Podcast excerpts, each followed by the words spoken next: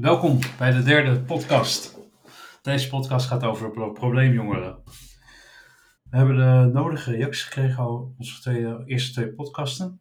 En ja, veel positieve, maar ook eh, een aantal negatieve. En waarin mensen toch ook al aangaven dat ze bepaalde dingen linkten met de, met de huidige tijd waarin we leven, in de lastige tijd.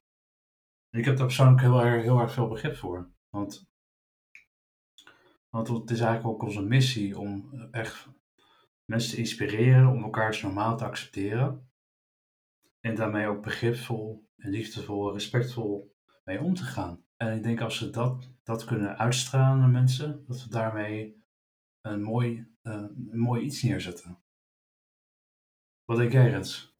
Ik ben het er helemaal mee eens. Ik denk dat het moment eh, erom vraagt om begripvol en respectvol en liefdevol met elkaar om te gaan. Om samen te komen. De handen ineen te slaan in plaats van eh, verschillende, eh, verschillende eilandjes te creëren. Ja, en, en nogmaals, kijk, even vrijheid van meningsuiting, dat, dat weten we, dat is altijd goed. En dat moeten we ook ko- koesteren in het land. En tegelijkertijd, het is niet bedoeld om eh, mensen te kwetsen of onnodig ja, pijn te doen eigenlijk. Nee, absoluut niet. En, en zeker de- deze podcast. Wij laten van ons horen hoe wij tegen de wereld aankijken. En wij hebben alle begrip voor hoe andere mensen tegen de wereld aankijken. Ja, helemaal mee eens. En, en dit is een mooi podium om dat te kunnen delen. Nou ja, vandaag eh, behandelen we ook een vraag van eh, een van onze luisteraars. En eh, hij heet Andries. En Andries die had, een, die had ons een vraag gesteld. Een hele mooie vraag eigenlijk ook. Want dat is ook al iets wat nu, juist nu speelt. Heel wat jongeren die zitten bij de, bij de avondklok gewoon veel thuis. En Andries wil weten hoe je probleemjongeren motiveert en stimuleert om anders naar de wereld te kijken. Want iedereen kijkt vanuit zijn eigen normaal naar de wereld. En zet hier- hierin ook praktische stappen. En de komende tien podcasts zullen wij de vragen behandelen die, ze, die ons zijn gesteld door meerdere luisteraars. Want we hebben meerdere vragen gekregen, gelukkig. En dat zijn er totaal tien. We hebben een selectie gemaakt, want er waren gewoon te veel. En waardoor we gewoon konden, konden shiften. Oké, welke kunnen we behandelen? En waren ook een aantal vragen die elkaar gingen overlappen. Dus dat hebben we gebundeld tot tien vragen. En de komende tien afleveringen bestaat ongeveer uit 25 minuten. Waarin we de vragen zullen beantwoorden. En nou Rens, ik wil gelijk met jou aftrappen, want ehm, dit, die vraag eh, die uh, Andries stelt, die sluit wel aan bij jouw vakgebied. En ik wil toch ja, weten wat jou, hoe jij daarop zou reageren, vanuit jouw normaal, vanuit jouw expertise. Ja, klopt. Hoe reageer ik op de vraag: hoe motiveer je jongeren om anders tegen de wereld aan te kijken? Ik denk dat dat momenteel een vraag is die je kunt zien als een. Uh, als ik daar het antwoord op had, uh, dan kun je het zien als het lotje uit de loterij. Hoe motiveer je jongeren? Het is zo moeilijk. Zeker deze tijden. Alles is afgenomen, hè? zo zien ze het. Hè? Ze verzetten zich tegen de wereld, want alles is dicht. We mogen niks, we kunnen niks. En ga dan maar eens iemand motiveren. En ja, het is mijn vakgebied, maar een moeilijk vakgebied. En wij werken met een select groepje en, en ja, die leer je kennen en, en ja, op één lijn komen. Ik denk dat dat uh, heel belangrijk is. De jongeren eerst eens leren kennen. Hè, voordat je er iets ja, überhaupt mee kunt. Hè, waar, ja, waar komt het gedrag vandaan? Wat doen ze? Waar kijken ze naar? Social media momenteel. Uh, het is ongekend wat een informatie jongeren tegenwoordig te verwerken hebben. Vergeleken, uh, even teruggaande naar mijn jeugd. Hè? Had je het NOS-journaal. en de krant morgens uh, op de deurmat liggen. Ja, dat, dat, dat, kijk, van mij, ik ben iets jonger dan jou, Rens, volgens mij jij bent. Uh, 43. 43, ik ben 38. Er zit een klein verschilletje, maar in, in, mijn, in mijn jeugd kwam het internet net op. En we kennen die tijd van inbelmodems, hè, we kennen het geluid nogal en de hoge telefoonrekeningen. Ja, ja, absoluut. En uh, toen was het al een beetje aan de gang, hè, die informatiestroom die, die tot leven kwam, maar het, het was nog beheersbaar, het was nog redelijk... Uh, ja, juist, je had tien babbelboxen of van die ja. chatboxen had je toen de tijd, maar Precies. ze hebben nou zo'n breed kanaal met informatie. En als ik zie wat voor muziek ze luisteren en, en, en de clips die ze bekijken, en, en ja, dat is toch voeding. En ik denk ook vaak negatieve voeding, maar voor hun normaal. Want dat zijn hun helden. En dat gedrag wat ze in die filmpjes zien, dat kopiëren ze en dat, zie je terug op straat. En ga daar als jongerenwerker of, of uh, uh, zoals ja, bijvoorbeeld Andries, ga daar maar eens aan staan. Ga maar eens op een groep, stap op een groep jongeren af, buiten, s'avonds. Alles gaat dicht, er is niks open. Uh, ja, begin er maar aan. Ja, het is ook niet zo van, joh, hey Andries, we hebben één uh, kant-klare oplossing voor jou. Die kun je toepassen bij elke jongere. Kijk, de ene jongere die kijkt naar, naar rapmuziek, die een bepaald soort lied zingt, waarin zich door geïnspireerd voelen. En de andere jongere kijkt naar een tv-programma die heel erg inspiratievol voor die persoon is. Dus het is heel lastig om daarin wat te zeggen. Maar wat, ik wel denk dat dat iets wat, wat wel generiek is, is de, de, de intrinsieke motivatie opwekken bij zo'n jongere iemand. Mhm. En altijd zoeken van oké, waar zit die uh, switch bij die jongeren om de intrinsieke motivatie aan te wakkeren. Als je die switch hebt bij die persoon, dan, dan kun je heel ver komen.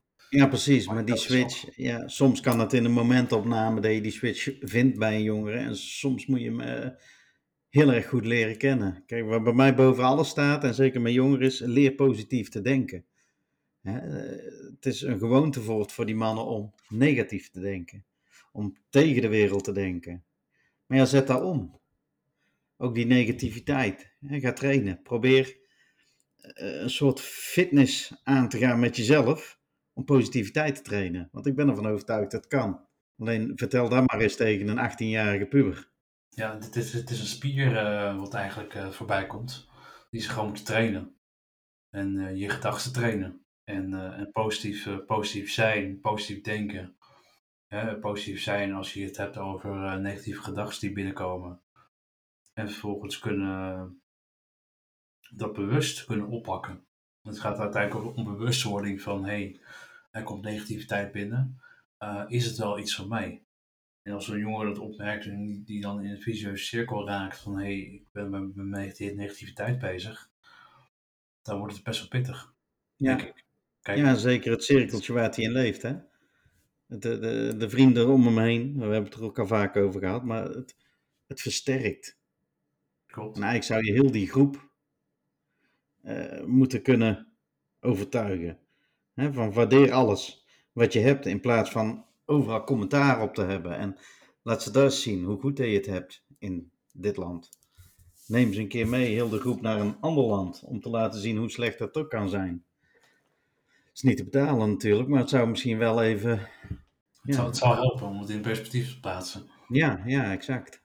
Ja. Hoe, zou jij een, een doorsnee uh, jongere die problemen heeft, laten we zeggen iemand die, uh, die bijvoorbeeld in de cel heeft gezeten op jonge leeftijd, die uh, uit, uit meerdere pleeggezinnen is gekomen, ik noem maar wat. Hoe zou jij die jongen zeg maar benaderen als zijn, om, om hem verder te helpen? Wat zou jouw begin zijn om, om te kijken of die persoon toch kan veranderen? Of hè, de manier hoe hij naar zijn wereld kijkt. Ja, precies. Waar zou mijn begin, het begin bij mij een intake. en ik denk dat je elkaar heel goed moet leren kennen. Je zult elkaars vertrouwen een beetje moeten kunnen winnen. En zeker een jongen met zo'n achtergrond uh, is vertrouwen vaak ver te zoeken. Ja. Kijk, eh, dus dat is het eerste punt waar je gaat werken. Hè? Het vertrouwen. En, en ja, uh, een stukje positiviteit in het leven proberen te krijgen. Maar dat kan alleen door, door is vertrouwen te, te, wekken en, te kweken, een band op te bouwen. Als Voordat je met een jongen echt een diepgaand gesprek kunt voeren, zal er vertrouwen moeten zijn. En bij de een gaat het sneller dan de ander. Het is, bij iedereen is het maatwerk. En dat maakt niet uit of je jongeren coacht of, of ouderen. Het is maatwerk. En, en de maatwerk, dat kun je niet in een offerte beschrijven. Het is, het is aanvoelen, mensen leren kennen. Ze moeten jou ook leren kennen. Het, het is ja, ik denk dat vertrouwen wel een basis is uh, wat je moet hebben als je een jongere wil helpen.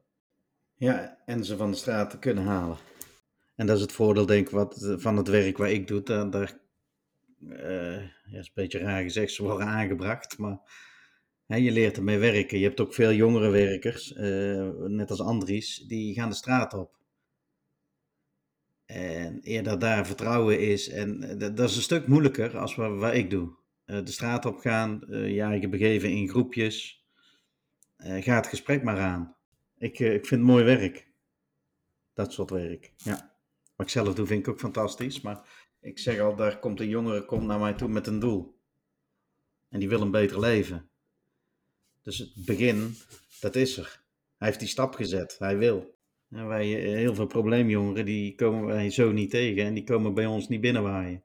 Nee, want die zijn eigenlijk, die zijn eigenlijk inderdaad, die moeten, die moeten van de reclassering of die moeten van een ander instituut, die moeten naar, naar jullie toe of daar iemand anders toe, naar je jeugdwerker. Ik denk dat de Andries daar ook mee, mee, mee te kampen heeft met het probleem. Van, hij krijgt, in feite krijgt hij een hele bak met uh, ongemotiveerde jongeren binnen. Ja. Die hij moet gaan, gaan, gaan, gaan, gaan oppakken. Ja, ja. Uh, en zijn, zijn, zijn, zal hij er niet eentje, eentje uh, onder zijn hoede nemen, maar gewoon meerdere. En dat betekent dat je gewoon heel erg veel tijd nodig hebt om, om zo iemand te begeleiden. Ja, om precies. Vertrouwen op te kweken, ja. vertrouwensband op te, op te bouwen en, en daar te werken. Ja, jongeren motiveren. En probleemjongeren vind ik ook een slecht woord, toch? Dat zijn jongeren, ja, zijn ze niet begrepen. Uh, ik zou het graag een andere naam geven. Want ook vaak kunnen ze er niks aan doen. Het is een stukje opvoeding, uh, was er gebeurd het verleden. Uh, en die jongens moeten ook een kans krijgen. En die voelen er eigenlijk vaak niet begrepen. Nee, dat is ook zo. En we hebben het vaak over gehad dat je als persoon achter stuur van je eigen leven staat. En dus verantwoordelijk bent voor je eigen leven. Alleen voor jongeren zeg ik altijd tot 18. Ja, pak even de leeftijdscategorie. Tot 18, mhm. tot en met 18. Ja, is het niet echt veel verwijtbaar. Omdat zo'n jongere die groeit op in een hele bepaalde soort thuissituatie. Die niet bevorderlijk is voor zijn verdere leven. En eigenlijk is zo'n jongen die moet de, de rotzooi opruimen van zijn opvoeding. zo zie ik het een beetje. Ja, zo, zo zul je bij velen hebben, ja. en ik zal ook weer niet zeggen de rotzooi. Eh, het is ook vaak moeilijk voor ouders. Eh, eh, pak bijvoorbeeld gescheiden ouders. Die, die, als de ouders vroeg gaan scheiden of dat de kinderen jong zijn, dan komen ze bij ja, op twee adressen voor opvoeding. En vaak staan hè, lijnrecht tegenover elkaar. Die manieren van opvoeding. Wat ook kan zorgen voor zo'n ja, een storend stukje in de opvoeding, zeg maar. Waardoor dat, uh, ze problemen gaan krijgen en creëren. En hè, je pakt die vechtscheidingen, dat de kinderen tegen elkaar uitgespeeld worden. En, en ja, ze worden weer als een stuk gereedschap gebruikt, zou je zeggen. Of een doorgeefluik.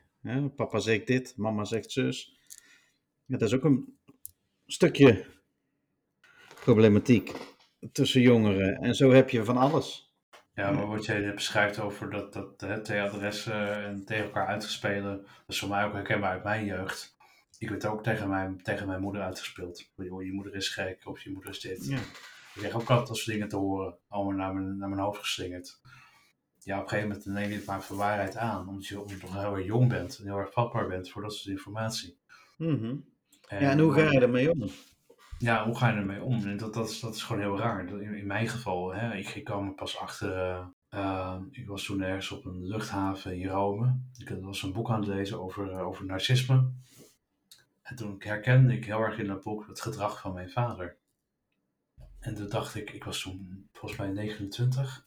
Ik dacht, wow, en heb ik al die jaren heb ik mijn moeder dus genegeerd met haar opmerkingen van joh, eh, het zit niet goed, het zit niet goed. Dus en, en later blijkt inderdaad dat zij gelijk heeft. Dit, dit is een hele, hele lange adem geweest. Het kan soms jaren duren voordat een, een, een kind, of hè, in dit geval een kind, mij in dit geval, mm tot, tot, in, hè, ja, tot het besef komt van hé, hey, uh, de andere ouder had gelijk. En dan, dan ben, je, ben je best wel wat jaartjes verder. Ja. Dat vond ik wel een hele aparte situatie. Toen ik mijn moeder ook belde na, na tien jaar. Van, joh man, eh, ja, ik heb, het ik heb dingen gelezen die uh, laten zien dat, dat, dat, je, dat mijn vader niet echt een hele een goede vent was, zeg maar. Ja. Dus... En maar wat heeft dat met jou gedaan? Kijk, jij bent volgens mij niet een, uh, vroeger een probleem van de maatschappij geweest. Hè? Nee, jij hebt niet buiten op straat geleefd, jij hebt geen eh, in groepjes kattenkwaad uitgehaald. Hè, je hebt duidelijk een kant... In die scheiding heb jij een kant gekozen waar je later spijt van hebt gekregen natuurlijk. Maar die kant heeft jou wel die rust gegeven, denk ik, in die scheiding. Eh, Ja, een kant kiezen is heel lastig, want eh, Ja. de keuze werd me opgedrongen. Eh, Ik was drie toen mijn ouders gingen scheiden. En mijn vader maakte zich sterk om, om eh, de voogdij voor zich te winnen. Mhm. En ja, daar had, daar had ik helaas op dat moment geen, eh, geen keuze in. Ah, maar dat is ook, eh, ook lastig. Ja, maar- jaar is lastig. Dat is, eh, dat is lastig. Het is, ja, het had ook voor mij een hele, op een hele vervelende manier kunnen aflopen. Dat besef ik mij ook later. Als je zoveel, zoveel meemaakt. Eh, maar gelukkig is dat niet, eh, niet het geval. En ben ik er toch doorheen gekomen. Maar ik weet inderdaad hoe het is eigenlijk eh, om in twee kampen te leven. Ja, dus Ja. je wordt eigenlijk als een pingpongbal wordt je heen en weer geschoten in de maatschappij. Van joh, waar hoor je nou bij? En, Ja. en je moeder is gek en, en je vader is, is goed. En, en weet je, die- je wordt heen en weer geschoten. En dat maakt het best wel complex Ja, precies. bij je weg in te vinden. ja, ja, en zorg voor onrust ook, hè? Zeker bij de jeugd. Ja, zeker. En Onrust. voor, voor mij, in mijn geval is het, eh, ja, ik ben geen, eh, ik zie mezelf niet als een probleemjongere, althans niet van vroeger. Dus Dat komt nog wel. dat komt nog We wel. een probleem ouder, Erik. Ja, probleemhouder. dus dat geluk heb ik wel, maar ik, ik wil met mijn betoog wil ik alleen maar aangeven dat ik het wel deels begrijp. Hoe, Ja, dat, hoe dat proces een beetje loopt. Hè? Van oké, van je groeit op en je, je wordt een beetje eh, ja, heen en weer gejengeld, zeg maar. Dat, dat is wel, eh, dat maakt het Ja. wel heel erg lastig, gevoelsmatig ook. Dat Ja, bepaalde precies, dingen hè. kunt uitschakelen in je leven. ja, precies. En je hebt verschillende culturen. Er, er- ja, het is zo... Veel jongeren eh, zijn wereldvreemd, of, of hoe moet ik het zeggen? De, ze komen uit een andere cultuur, maar ze komen hier samen met nog drie andere culturen. Dat moet ook een weg vinden om samen te smelten. Eh, ze lopen tegen heel veel aan. Maar als ik de vraag nou eens omdraai, eh, Erik. Hè, jij vraagt mij, het is mijn vakgebied, maar misschien eh, is het wel fijn om er jij als leek tegenaan. Hoe zou jij het, hoe zou jij jongeren kunnen motiveren, denk jij? Hè, jij doet een heel andere tak van sport. Ja, dat is een hele goede vraag. Maar ik eh, vind het altijd interessant om mensen te vragen die heel anders tegen dit soort dingen aankijken. En een ver van mijn bedshow. Ja, kijk, persoonlijk, hè, van, van mij vanuit, mijn tak van sport, eh, zeg ik altijd, altijd per definitie, het is niet mijn doel om mensen te motiveren. En als ik het vanuit die perspectief eh, ga beantwoorden, dan, zal ik gewoon heel erg een reflectie toepassen op die jongeren. Hè. Je bouwt, eh, het eerste, je bouw je een band op, hè, want je moet, je moet toch, eh, die, die jongeren moeten zich veilig en geborgen bij jou voelen als coach, als trainer dat, dat staat buiten kijf. Er kan niemand omheen, dat, dat is gewoon iets wat moet plaatsvinden. Als dat het geval is, dan zou ik heel erg kijken. Oké, laten we zeggen, ik heb Pietje, Pietje als, als eh, jongere voor me, probleemjongere voor. Ik zeg tegen Pietje, joh, ehm, hoe zou jij het vinden als bepaalde dingen zo lopen? Hoe zou zou je er dan tegenaan kijken? Ehm, dus als je een bepaald eh, een raptekst hebt van die eh, best wel extreem is, dan, dan, noem je, dan, zeg je de raptekst op. En dan vraag je gewoon aan de jongen van, ja, hoe zie jij dat? Wat, wat vind je van die tekst? En samen loop je door, door die tekst heen en kijken naar die jongeren van, hé, hey, ehm, is dat wel, eigenlijk wel zo normaal? Hè? Jouw normaal, zo normaal dat, dat, dat die rapper dat zo zingt.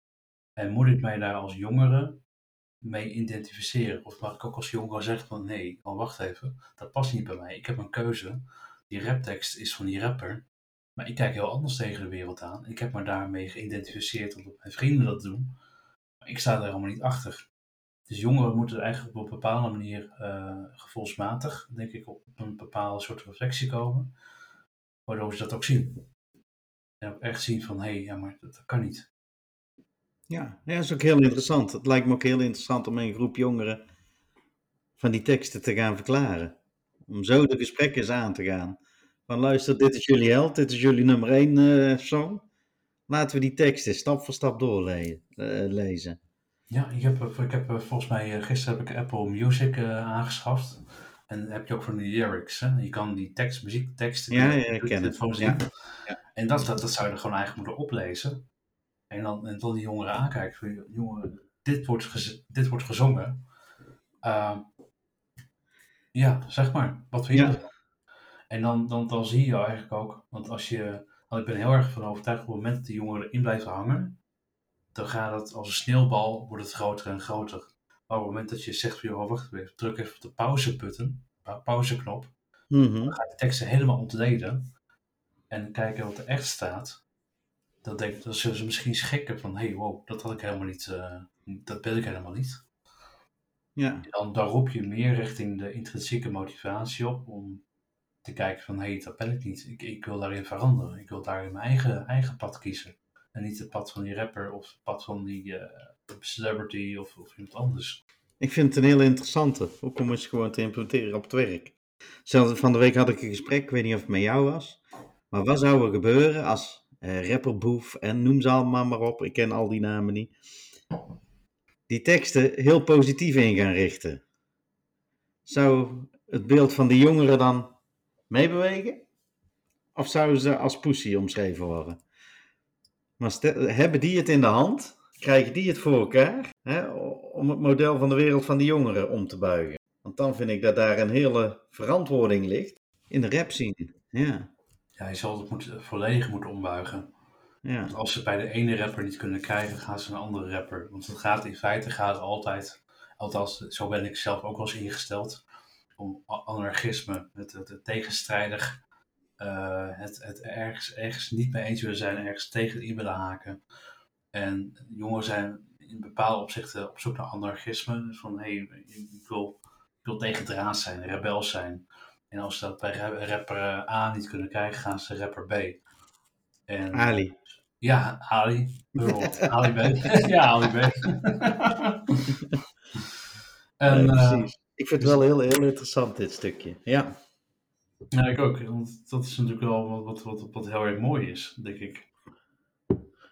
nee, maar ik denk dat het ook een- voor mezelf een praktijkopdracht wordt. Ik denk dat ik eens gewoon ga, precies een beetje bijgehouden welke muziek dat er geluisterd wordt. En dan ga ik dat gewoon eens doen. En die resultaten ga ik met jou delen. En dan ben ik heel benieuwd wat komt daaruit. Als je diep op die tekst ingaat en, en waarom vinden jullie dit zo mooi? En, en, en waarom schub je zo tegen die wereld aan? Wat doet de maatschappij verkeerd? Het zijn nieuwe tijden, hè? dat moet je ook nooit vergeten, hè? hoe wij opgroeiden. En vooral ik, want ik ben ouder. Maar vergeleken nu, ja, maar je kunt het niet vergelijken. Ik hing vroeger ook op straat en ik had daar heel erg naar mijn zin, maar er waren eh, nog amper telefoons. Laat staan WhatsApp, filmpjes, eh, wat, je nu allemaal hebt, Snapchat, eh, Instagram, noem het maar op. Het was een hele andere wereld. Wij stonden buiten te voetballen, wij gingen eh brommen rijden, wij kattenkwaad uithalen. Hè? Dat, dat, dat is heel anders tegenwoordig. Eén druk op de knop en er staat 30 man. En dat betekent ook dat, dat, dat hoe, hoe meer je bepaalde informatie tot je neemt in deze tijd, meer de algoritmes zullen zorgen dat je nog meer van die informatie binnenkrijgt. En nog meer. Dus het is, Ja, het is een soort eh heroïne-addictie. Van joh, je neemt een shot en je wil nog een shot en nog een shot en nog een shot. ja, En de, en de dealer staat toch om de hoek om je nog even een extra shot eh, cadeau te doen. Te doen. ja Zo kun je precies. een beetje vergelijken. Maar wij, dat- wij kwamen thuis, tenminste ik kwam thuis, ik spreek even voor mezelf, en ik had rust. Snap je? Nou komen ze thuis, en wat doen ze? Eh, de, de, sche- de scherm gaat aan, en dat houdt niet op. Dat, dat, dat is ongekend. En ik denk dat rust heel belangrijk is in een stukje opgroeien. Pak die rust. Ik denk dat het voor jongeren heel belangrijk is om ook eens rust te pakken. Laat die telefoon eens liggen s'avonds. Kom thuis, leg die telefoon in een hoek. Ga ouderwets een boek lezen of eh, een hobby uitvoeren. Of hè, ga een brommer uit elkaar halen, in elkaar zetten. Maar iets anders als ergens erheen scrollen. En maar zien hoe mooi de, de ene het heeft en de andere. En, en het is allemaal fantasy. Dus dat, dat, dat zou je eigenlijk willen doen op het moment dat een jongere tot, tot, eh, tot besef is gekomen dat die wereld waarin die, ze- hij leeft niet, niet echt passend is voor hem. Nee, en ze staan ook continu aan. Ja, Vroeger had je rust, kwam je thuis, had je rust, of je ging een potje voetballen, of, en dan, je had gesprekken met je vrienden, en, en echte gesprekken, eh, die, die, die, die zijn er bijna niet meer, denk ik. En thuis gaan de gesprekken via Snapchat en via dingen, die gaan door. Ja, Er is bijna geen rust. klopt. En ik denk dat dat een heel groot probleem is. Ja, dan verwarren ze het, eh, is het vaak verwarrend van ja, ik lig op de bank. Ja, met- je ligt op de bank met je telefoon. Ja. Dat is heel anders. Eh, met, je hebt fysieke rust. Maar mentale rust heb je natuurlijk niet. Nee, absoluut niet. En ik denk dat die juist zo belangrijk is. Ja. En als, als een probleem, hè, om het maar de naam te, te houden zoals ze die hebben gegeven, probleemjongeren, eh, die zijn daar gewoon extra vatbaar voor. Als ik het als leek eh, zo mag observeren. Ja. En dan, ja, Ja, ze willen niks missen, ze willen overal bij horen. Ze, weet je, ze kunnen de, de, de, de, de, verzekeringen niet betalen, maar ze, ze hebben allemaal een telefoon. Ik kreeg ook even twee snapjes binnen. ja sorry, eh, ja, niet het goede voorbeeld. Dus ik, eh, ik zet mijn telefoons uit nu. sorry Rens. Geen probleem, geen probleem. Ja, eh, alsof de duivel ermee speelt. Ja, nee, ik vind wel dit ook weer een heel interessant stuk. Jongeren hebben geen rust meer. Hoe creëer je rust voor jongeren? Hè, we lopen op een groep af buiten, kom, we gaan mediteren. Ik denk niet dat dat gaat lukken. Maar hoe kun je ze tot rust brengen? Ja, ik denk dat eh, Rens eh, heel, persoonlijk. Ik denk dat, dat social media en, en alles wat er omheen gebeurt, hè, dat, dat de telefoon bekijken, dat ook een soort vlucht is. Hè? Een Ja. vlucht van een, een jongere die het heel erg naar heeft thuis, of die eh, niet lekker in zijn vel zit. Eh, dat gaat me ook aan het hart. Ik bedoel, dat zie je natuurlijk ook om, om je heen gebeuren. Dat jongeren gewoon echt helemaal in de shit zitten. En het enige wat ze Mhm. hebben, is hun device, hun telefoon die ze in hun hand hebben. Ja, dan kan het een uitvlucht zijn om daarmee, daarmee in contact te blijven.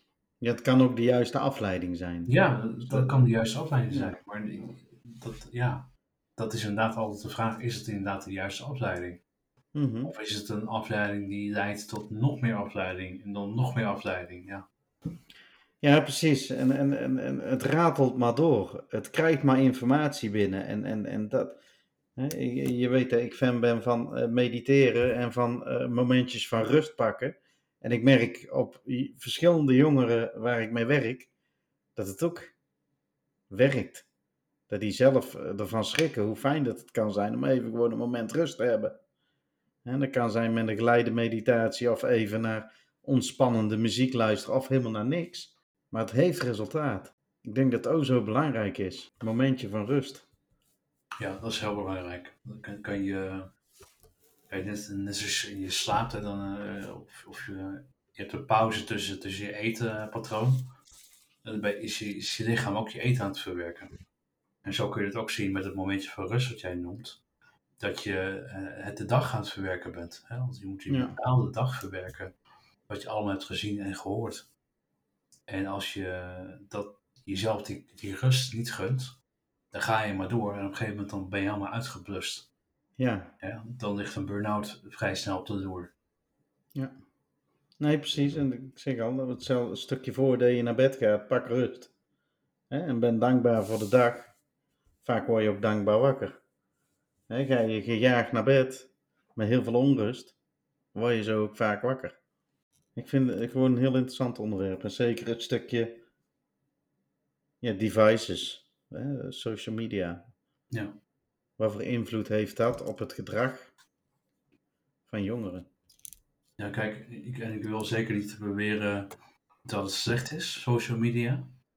Het gaat erom dat je het op de juiste manier gebruikt. En kijk, je kan in een auto kun je, kun je 150 rijden en, en, en, en hartstikke hard remmen en de bochten, stijl de bocht doorgaan. Maar je kan ook gewoon heel rustig je netjes aan de snelheid houden. En dat geldt met telefoongebruik ook, van, ook zo met informatieinname, de consumptie van informatie, dat je daar gewoon voorzichtig mee omgaat. En dat geeft een, eh, hè, olie op het vuur gooien. Hè? Dat is vaak eh, het idee met die, eh, met die systemen. Ja, En, continu. Ja, Het is ook een soort van verslaving, denk ik, voor het. Hè? ja, verslaving, uitvlucht. Andries zijn vraag eh, ja, nog steeds open staat. We hebben genoeg antwoorden gegeven, maar het, het juiste antwoord, Andries, eh, we horen het ook graag van jou. Mail ons jouw kijk op de wereld en hoe, hoe doe jij het? Hè, laat ons samen leren. Ja, en ik denk, Andries, dat wij eh, hiermee wel een, een voorzetje hebben gedaan dat je iets, in ieder geval iets mee kan. helaas denk ik niet dat wij een panklare oplossing voor jou hebben geboden, maar dat, dat kan ook niet. En vooral Nee. een probleem, jongen. Ieder, ieder individu is anders. En, Ja. eh, maar ik geloof zelf persoonlijk, als ik voor mezelf spreek als leek in dit vakgebied, zeg ik intrinsieke motivatie en, en, en confrontatie op een, op een voorzichtige, liefdevolle manier met die, de, de problemen waarop ze nu in zitten. Dat kan helpen. Ja. En Andries, eh, sta vrij om te mailen. Eh, dit is voor mij een onderwerp waar ik veel over wil delen, maar ook leren. En als we van elkaar kunnen leren, eh, hoe fijn is dat? Dus we kunnen mailen, Erik, naar in- info.jouwnormaal. Ja, ja info.jouwnormaal.nl En dat is een mailbox waar eh, Rens en ik allebei eh, toegang tot hebben. Dus uiteraard zullen we jouw mail in vertrouwen behandelen. Yes, top. Eh, wat we ook hebben gehad, Rens, eh, we hebben een aantal vragen binnengekregen of mensen jouw normaal coach kunnen worden, konden worden. En dat vond ik wel een hele mooie. Ik vond het eigenlijk ook wel complimenteus. Jouw normaal coach. Dus eh, we hebben goed nieuws voor diegenen die dat, eh, die het graag willen worden. We, gaan daarmee, eh, we zijn bezig met een plan om dat uit te gaan rollen en mogelijk te maken. Want er zitten heel veel, heel veel mooie, mooie elementen in. En waar, waarbij ook heel erg belangrijk criterium is dat je levenservaring meebrengt. Ja, levenservaring die, die ertoe doet, waarmee je anderen kunt inspireren en anderen kunt, kunt helpen met al hetgeen wat je hebt meegemaakt op een positieve manier in te zetten. En dat is echt, uh, dat is echt van belang. Dus we gaan de komende tijd gaan Rens en ik gaan het plan uitwerken. En uh, daar houden jullie op de hoogte. Ja, precies. Kennis delen, dat is eigenlijk ja. ook uh, heel belangrijk in dit platform. Laten we elkaar versterken. Klopt. Kennis delen en, en elkaar inspireren. En, en, onze missie blijft daarom ook mensen inspireren om, erna, om, hè, om elkaars normaal te accepteren. En daarmee begripvol, respectvol en liefdevol mee om te gaan. Want als we dat doen, daar ben ik van overtuigd, dan krijgen we positiviteit. Positiviteit. Positiviteit. En een vele liefdevolle samenleving. Dat, daar, dat, dat is natuurlijk iets waar we allemaal naartoe willen. Ja, zou mooi zijn dat iedereen de wereld kan accepteren zoals die is. En de volgende podcast, we gaan uh, behandelen de vraag van Maarten. Maarten heeft een vraag over zijn uh, depressieve moeder. Hij vraagt ons hoe hij kan helpen vanaf een afstand. Dus die vraag zullen wij, de volgende podcast, we die gaan behandelen. Gaan we zeker doen. Helemaal top. En even voor uh, de mensen die willen, is er een Facebookgroep al. Die staat daar klaar volgens mij, Erik. Jouw normaal coaching. Ja, klopt. Uh, voor mensen die interesse hebben, die luisteren, meld je eigen aan. Al is het maar om over en weer te kunnen sparren met elkaar. Over diverse onderwerpen. Doen. Yes, jouw normaal coaching. Facebook groep. Yes. Wees welkom. Dit was de derde, derde podcast alweer. Ja, we hebben één vraag beantwoord. Uh, leuk. Ja, leuk. Dus het ja. is, uh, ik hoop dat hier heel veel, heel veel positiviteit uitkomt. En, en Andries, uh, nogmaals, dankjewel voor, jou, voor jouw vraag. Die je hebt ingestuurd. Ja. daar zijn wij ons heel erg dankbaar voor, voor deze input. Want daarmee help je niet alleen jezelf, maar ook je helpt andere mensen daarmee. Dus dat is heel erg fijn. En dat is mooi. Ja, en mensen, uh, deel met ons jullie gedachten. Hebben jullie nog andere uh, antwoorden voor Andries, of maar ook voor ons? Opmerkingen, feedback? Uh, laat het weten. Dankjewel. Ja. Dankjewel voor het luisteren en tot uh, de volgende keer.